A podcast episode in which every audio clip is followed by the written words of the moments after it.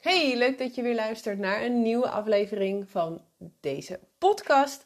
En uh, ja, het is alweer aflevering 128. En um, ja, ik krijg ook steeds vaker reacties naar aanleiding van afleveringen die ik heb gemaakt. Dus uh, super leuk om jullie reacties te horen, te lezen. En um, ja, als je dus een vraag zelf hebt die je graag beantwoord wil hebben, die je misschien nu niet helemaal beantwoord krijgt, dan uh, zou ik zeggen, stuur hem naar me op en dan uh, ga ik hem voor je beantwoorden. Sowieso krijg je altijd een persoonlijk bericht van me. En um, ja, waarschijnlijk zijn er ook andere vrouwen die er baat bij hebben. Dus geen vraag is te gek. En uh, ik zou zeggen, stel hem vooral. Hoe je dat het beste kan doen, deel ik aan het einde van deze podcast nog even met je. En ik heb bedacht om deze week weer even een soort van thema te doen. En um, het thema is cyclusproblemen, omdat dat natuurlijk aan de basis staat ook van je vruchtbaarheid. Of eigenlijk staat je vruchtbaarheid aan de basis van de cyclus. Het is maar net hoe je het bekijkt, maar het een gaat niet zonder het ander. En er zijn gewoon bepaalde cyclusgerelateerde klachten en problemen die veel vrouwen ervaren, die vaak als heel normaal worden gezien, maar die dat helemaal niet zijn. En die misschien zelfs ook iets kunnen zeggen over je vruchtbaarheid of je verminderde vruchtbaarheid. Um, als, je, um, ja, dus als je zwanger wil worden. Nou, vandaag ga ik het hebben met, hoe, uh, uh, met je hebben over hoe uh, menstruatiepijn je cyclus beïnvloedt. En wat dat eigenlijk zegt over dus je gezondheid, je hormoongezondheid en dus ook je vruchtbaarheid. Nou, menstruatiepijn wordt ook wel dysmenorrheu genoemd. En het komt bij heel veel vrouwen voor. Um, we zien het dus iets als volkomen normaals. Maar ik kan je wel vertellen dat dat echt niet het geval is.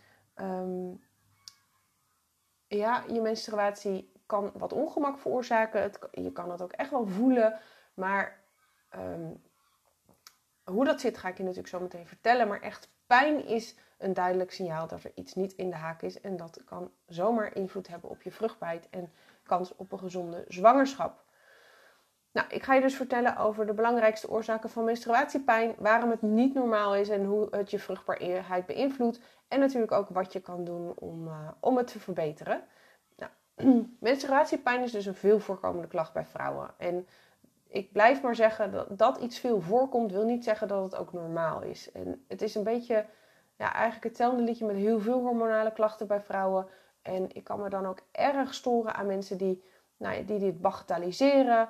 Um, en, en, en doen alsof het, uh, ja, weet je, alsof het allemaal in je hoofd zit en alsof het allemaal wel meevalt en dat je niet moet zeuren. Nou, dat, ik krijg echt dat soort reacties nog altijd van vrouwen die dat horen vanuit hun omgeving, soms zelfs van hun partners, maar ook bijvoorbeeld van uh, huisartsen en, uh, en uh, andere mensen waarvan je zou denken dat, dat die wat meer ondersteuning zou kunnen bieden. Tegelijkertijd heb ik ook dus enorm te doen met de vrouwen die deze pijn leidzaam ondergaan in de veronderstelling dat het er nu eenmaal bij hoort en dat ze inderdaad zeuren als ze er iets over zeggen. Nou, ik hoop dat je na deze aflevering snapt dat je niet zeurt, dat het niet normaal is en dat uh, je daar wel degelijk, uh, ja, dat, dat je het niet zomaar hoeft te pikken.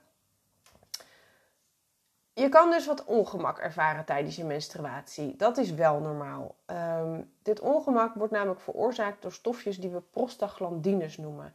En die prostaglandines zijn hormoonachtige stofjes die van nature in ons lichaam voorkomen. En ze zijn betrokken bij verschillende fysieke processen, waaronder uh, ontstekingsreacties, samentrekkingen van spieren. Um, en ze hebben echt wel een, een, een, een, een rol in ons lichaam. En um, als je het dan relateert naar je cyclus en die menstruatiepijn, dan zorgen die prostaglandines er dus ook voor dat de spieren rondom je baarmoeder samentrekken. Dat, dat, dat doen zij. Um, ze worden dus vlak voor je menstruatie en ook tijdens je menstruatie aangemaakt. En uh, zorgen er dus voor dat die spieren van je baarmoeder samentrekken. En die samentrekkingen zorgen er weer voor dat het baarmoederslijmvlies wordt afgestoten. Dat het loslaat en dat jij dus je menstruatie krijgt. Dat is het, dat is het hele rol eigenlijk van die prostaglandines. Maar als er nou te veel van die prostaglandines worden aangemaakt, kunnen die samentrekkingen eigenlijk veel krachtiger en pijnlijker zijn dan dat ze misschien zouden moeten zijn.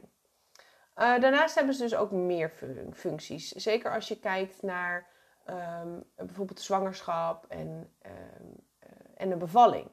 Um, ze worden namelijk ook vaak uh, geproduceerd op het moment dat je gaat bevallen. Hè, en helpen, ze helpen bij het verzachten en rijpen van die baarmoederhals, die natuurlijk ehm, zachter en, en, meer flexibel moet zijn, uh, zodat die klaar is voor de bevalling. Ze kunnen ook de contracties van de baarmoeder stimuleren, wat leidt uiteindelijk tot de bevalling. Hè. Dus het zijn eigenlijk de voorlopers van weeën.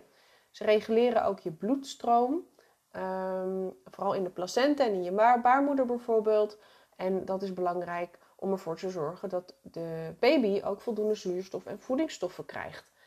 En tijdens de zwangerschap werken prostaglandines samen met andere hormonen om je baarmoederhals gesloten te houden en een vroegtijdige bevalling te voorkomen. Zo helpen ze de spieren van de baarmoeder ontspannen en voorkomen ze dat die dus te vroeg samentrekt. Dus ze hebben een, een, een samentrekkende, maar ook weer een ontspannende functie.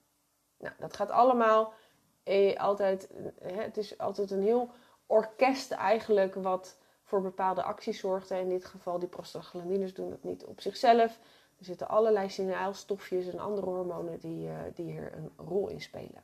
Nou, je, leeftijd heeft heel, je leefstijl heeft heel veel invloed op de hoeveelheid prostaglandines die je aanmaakt. Hè? En dus ook hoeveel pijn je uiteindelijk ervaart. Um, allereerst als je kijkt naar voeding, dan is met name een disbalans tussen omega-3 en omega-6 vetzuren um, zorgt ervoor dat die prostaglandines uh, verhoogd worden en dat er sowieso een hogere ontstekingsreactie in je lichaam is. Die omega-6 vetzuren, die vind je vooral in plantaardige olie, noten, pitten, zaden. Die hebben een ontstekingsbevorderende werking en verhogen zo die prostaglandines. De omega-3 vetzuren, die je bijvoorbeeld vindt in vette vis, die hebben juist een ontstekingsremmende functie en blussen als het ware de ontstekingen die omega-6 eh, vetzuren hebben veroorzaakt. Over het algemeen hebben wij een voedingspatroon dat erg hoog is aan omega-6 vetzuren en laag aan omega-3 vetzuren. En die disbalans speelt een belangrijke rol in de verhoogde productie van die pro-inflammatoire, dus die, die ontstekingsbevorderende prostaglandines. En um, dragen ook zo bij aan symptomen als menstruatiepijn. Nou is het wel belangrijk om je te realiseren dat we ook die omega-6 vetzuren echt wel nodig hebben. Hè? Soms is het gewoon nodig dat er een ontstekingsreactie plaatsvindt. Um, je wil alleen dat die ontstekingsreactie ook weer op tijd wordt geblust. Dat die ook weer uit wordt gezet. En dat doet omega-3. En het gaat dus vooral om de balans tussen die twee, um, die heel erg belangrijk is. En voor de meeste mensen geldt dat uh, het verminderen van omega-6 consumptie, wat je vooral in bewerkte voeding ziet, en die plantaardige oliën, en uh, het verhogen van omega-3 consumptie, dus het eten van vette vis, die twee stappen die geven vaak al een veel betere balans. Nou, lichaamsbeweging is ook heel erg belangrijk. Regelmatig bewegen kan namelijk helpen bij het verminderen van je menstruatiepijn. Het verbetert de bloedcirculatie en kan ook ontstekingsreacties verminderen. Um, waardoor dus die productie van die prostaglandines ook weer wordt beïnvloed. En stress is natuurlijk, ja, het komt iedere keer weer terug, maar zeker chronische stress kan die prostaglandineproductie ook verhogen dus meer stress betekent meer prostaglandines. Meer prostaglandines betekent meer samentrekkingen, hevigere samentrekkingen en dus ook meer pijn. Um, dus uh, de meeste mensen, eigenlijk iedereen, die heeft tegenwoordig wel stress. Het gaat erom hoe kan jij die stress reguleren. Met name dus zo vlak voor of aan het begin van je menstruatie. Nou, er is dus ook een link tussen je vruchtbaarheid en die menstruatiepijn. Um, veel vrouwen vragen zich af of die menstruatiepijn, of dat dan kan betekenen dat je verminderd vruchtbaar bent. Nou, die verhoogde prostaglandine-status kan wel een rol spelen in je verminderde vruchtbaarheid, omdat het dus een verhoogde ontstekingsreactie um, veroorzaakt. En dat is niet bevorderlijk voor een zwangerschap. Dus dus een, een, een lichaam waar, uh, veel, waar, veel ontstekingen in zitten, dus laaggradige ontstekingen noemen we dat, um, ja, daar zien we gewoon dat die meer moeite hebben met zwanger worden. En dat het vaak ook langer duurt voordat uh, vrouwen zwanger worden. Maar over het algemeen is menstruatiepijn op zich niet de enige reden waarom je problemen zou moeten of zou ervaren rondom zwanger worden of blijven. Soms kan de pijn ook een symptoom zijn van een ander onderliggend probleem, zoals bijvoorbeeld endometriose of vleesbomen. Deze kunnen je kans op een gezonde zwangerschap wel in de weg zitten en vragen eigenlijk ook om een heel andere aanpak. Um, voor beide geldt overigens dat het wel mogelijk is om zwanger te worden, alleen je zal wel wat acties moeten nemen. Dus dan is het niet genoeg om, ehm, nou ja, maar te blijven proberen. Hè, dan zijn er echt dingen die je wel moet aanpakken. Het goede nieuws is dat die menstruatiepijn op zich um, meestal geen directe invloed heeft op je vruchtbaarheid. Het is alleen wel belangrijk om te begrijpen dat hevige menstruatiepijn een symptoom kan zijn van een onderliggend probleem, zoals endometriose. En dat het wel degelijk een, een teken aan de wand is dat er dus iets niet helemaal in de haak is. Ja, en wanneer moet je je dan zorgen gaan maken over menstruatiepijn? Um, sowieso is pijn in mijn ogen dus een teken dat er iets niet klopt. Uh, dat er iets uit balans is. En, dat kan hormonaal zijn, maar ik zie het dus ook steeds vaker gewoon in, in leefstijl. Hè? Te, veel stress, uh, te weinig bewegen, uh, verkeerde voeding. Um, het zijn allemaal, kunnen allemaal oorzaken zijn van die verhoogde menstruatiepijn. Dus lig je nou in die eerste één of twee dagen van je menstruatie krom van de pijn, of heb je pijnstelling nodig om überhaupt iets te kunnen doen of je dag door te kunnen komen, um, gaat het ook eventueel gepaard met andere klachten, zoals bijvoorbeeld een hele hevige menstruatie, daar zie je vaak wel een link, en dus veel bloeden, dan is het tijd om dus echt wel in actie te komen. Um, maar ook minder heftige pijnklachten kunnen dus een signaal zijn om een paar dingen anders te aanpakken. waarschijnlijk hoef je dan iets minder rigoureuze aanpassingen te doen, maar het is wel goed om, uh, om daarmee in de gang te gaan. Vooral ook omdat dit soort klachten vaak niet vanzelf uh, oplossen, maar juist erger worden als je er niks aan doet. Nou, ik heb het al gehad over die balans in uh, omega 3 en 6. Er zijn natuurlijk ook meer dingen die je kan doen. Um, zeker als je naar voeding kijkt, hè, dan is ook het vermijden van ontstekingsbevorderende voeding, zoals veel suikers, met name geraffineerde suikers, maar ook alcohol, bewerkte voeding, vleesvervangers. Ja, eigenlijk alles wat ja, um, niet natuurlijk is, eh, wat uit een fabriek komt, dat is ontstekingsbevorderend. Um, ook het stabiliseren van je bloedsuiker en het eten van gezonde vetten en voldoende eiwitten helpen in het verminderen van die ontstekingsreactie. En vooral natuurlijk ook gewoon onbewerkte voeding zoveel mogelijk. stress hebben we het ook al over gehad, dus het verminderen van stress, maar vooral ook het, het omgaan met stress en het zorgen dat je uh, dat je lichaam uh, ook regelmatig gewoon goed kan ontspannen is heel erg belangrijk. Ik heb inmiddels al meerdere afleveringen opgenomen over de invloed van stress op je hormonen en je vruchtbaarheid. Dus luister ook vooral even een van deze afleveringen terug, even terug scrollen en dan uh, vind je ze ongetwijfeld. Als je wat meer wil weten over ja, hoe je dan met die stress kan omgaan en wat dat dan precies doet. Um, warmte helpt ook heel goed om je spieren meer te laten ontspannen. Dus een warm waterkruik tegen je buik of tegen je onderrug houden kunnen heel pijnverlichtend zijn. Zeker hè, op het moment dat je er last van hebt. Uh, dus dat is niet zozeer preventief, maar wel op het moment dat je er last van hebt. In plaats van pijnstillers. Uh, kijk eens of je het op een andere manier kan doen. Want ook pijnstillers zijn erg belastend voor je systeem. Veel vrouwen hebben ook baat bij CBD-olie of castorolie-pakkingen. Um, dus dat zijn ook dingen, vaak is het ook een beetje uitproberen. Bij de een werkt het wel, bij de ander werkt het niet. Um, en wat ook een hele goede is, waar misschien je hoofd niet helemaal naar staat op het moment dat je echt heel veel pijn hebt. Maar dat zijn, is dus bewegen, omdat het die bloedcirculatie um, verhoogt. Maar het helpt ook om ontspannen. Zeker als je bijvoorbeeld bepaalde yoga bewegingen doet. Er zijn ook bepaalde yoga oefeningen die heel erg gericht zijn op zeg maar, dat bekkengebied en, en die baarmoeder en de ontspanning daarvan, die kunnen echt wel helpen om die pijn te verlichten. Ehm, maar ook andere wat, wat mildere vormen van bewegen, zoals bijvoorbeeld zwemmen in warm water uh, of, of, of gewoon rustig wandelen in de natuur, die kunnen heel pijnverlichtend werken. En wat misschien wel het belangrijkste is, is om gewoon veel meer rust te houden. Pijn komt vaak voor bij vrouwen die maar door blijven gaan. Pijnstillers nemen en blijven doen wat ze altijd doen. Door, door, door, door. En pijn is een signaal van je lichaam om je te laten vertragen. Om, om, om je te zeggen van hé, hey, ik wil dat je het rustiger aandoet. Want op het moment dat je pijn hebt, normaal gesproken ga je het rustiger aandoen. En als je dat vervolgens, als je daar niet naar luistert, dan wordt die pijn alleen maar erger. Totdat je echt niet anders kan dan je eraan overgeven. Hè? Dus het is, eerst klopt, die eh, klopt je lijf eigenlijk een beetje zachtjes aan je deur. In de hoop dat je luistert. Maar eh, als jij niet luistert, dan gaat die steeds harder deur eh, kloppen. En op een gegeven moment um, ja, wordt gewoon de deur eruit geramd, om het zo maar te zeggen. Laat het dus ook niet zo ver komen, hè? want, want hoe, hoe, hoe verder je het laat komen, hoe, meer je moet doen en hoe langer je bezig bent met herstellen. Dus bouw gewoon wat meer rust in voor en tijdens je menstruatie.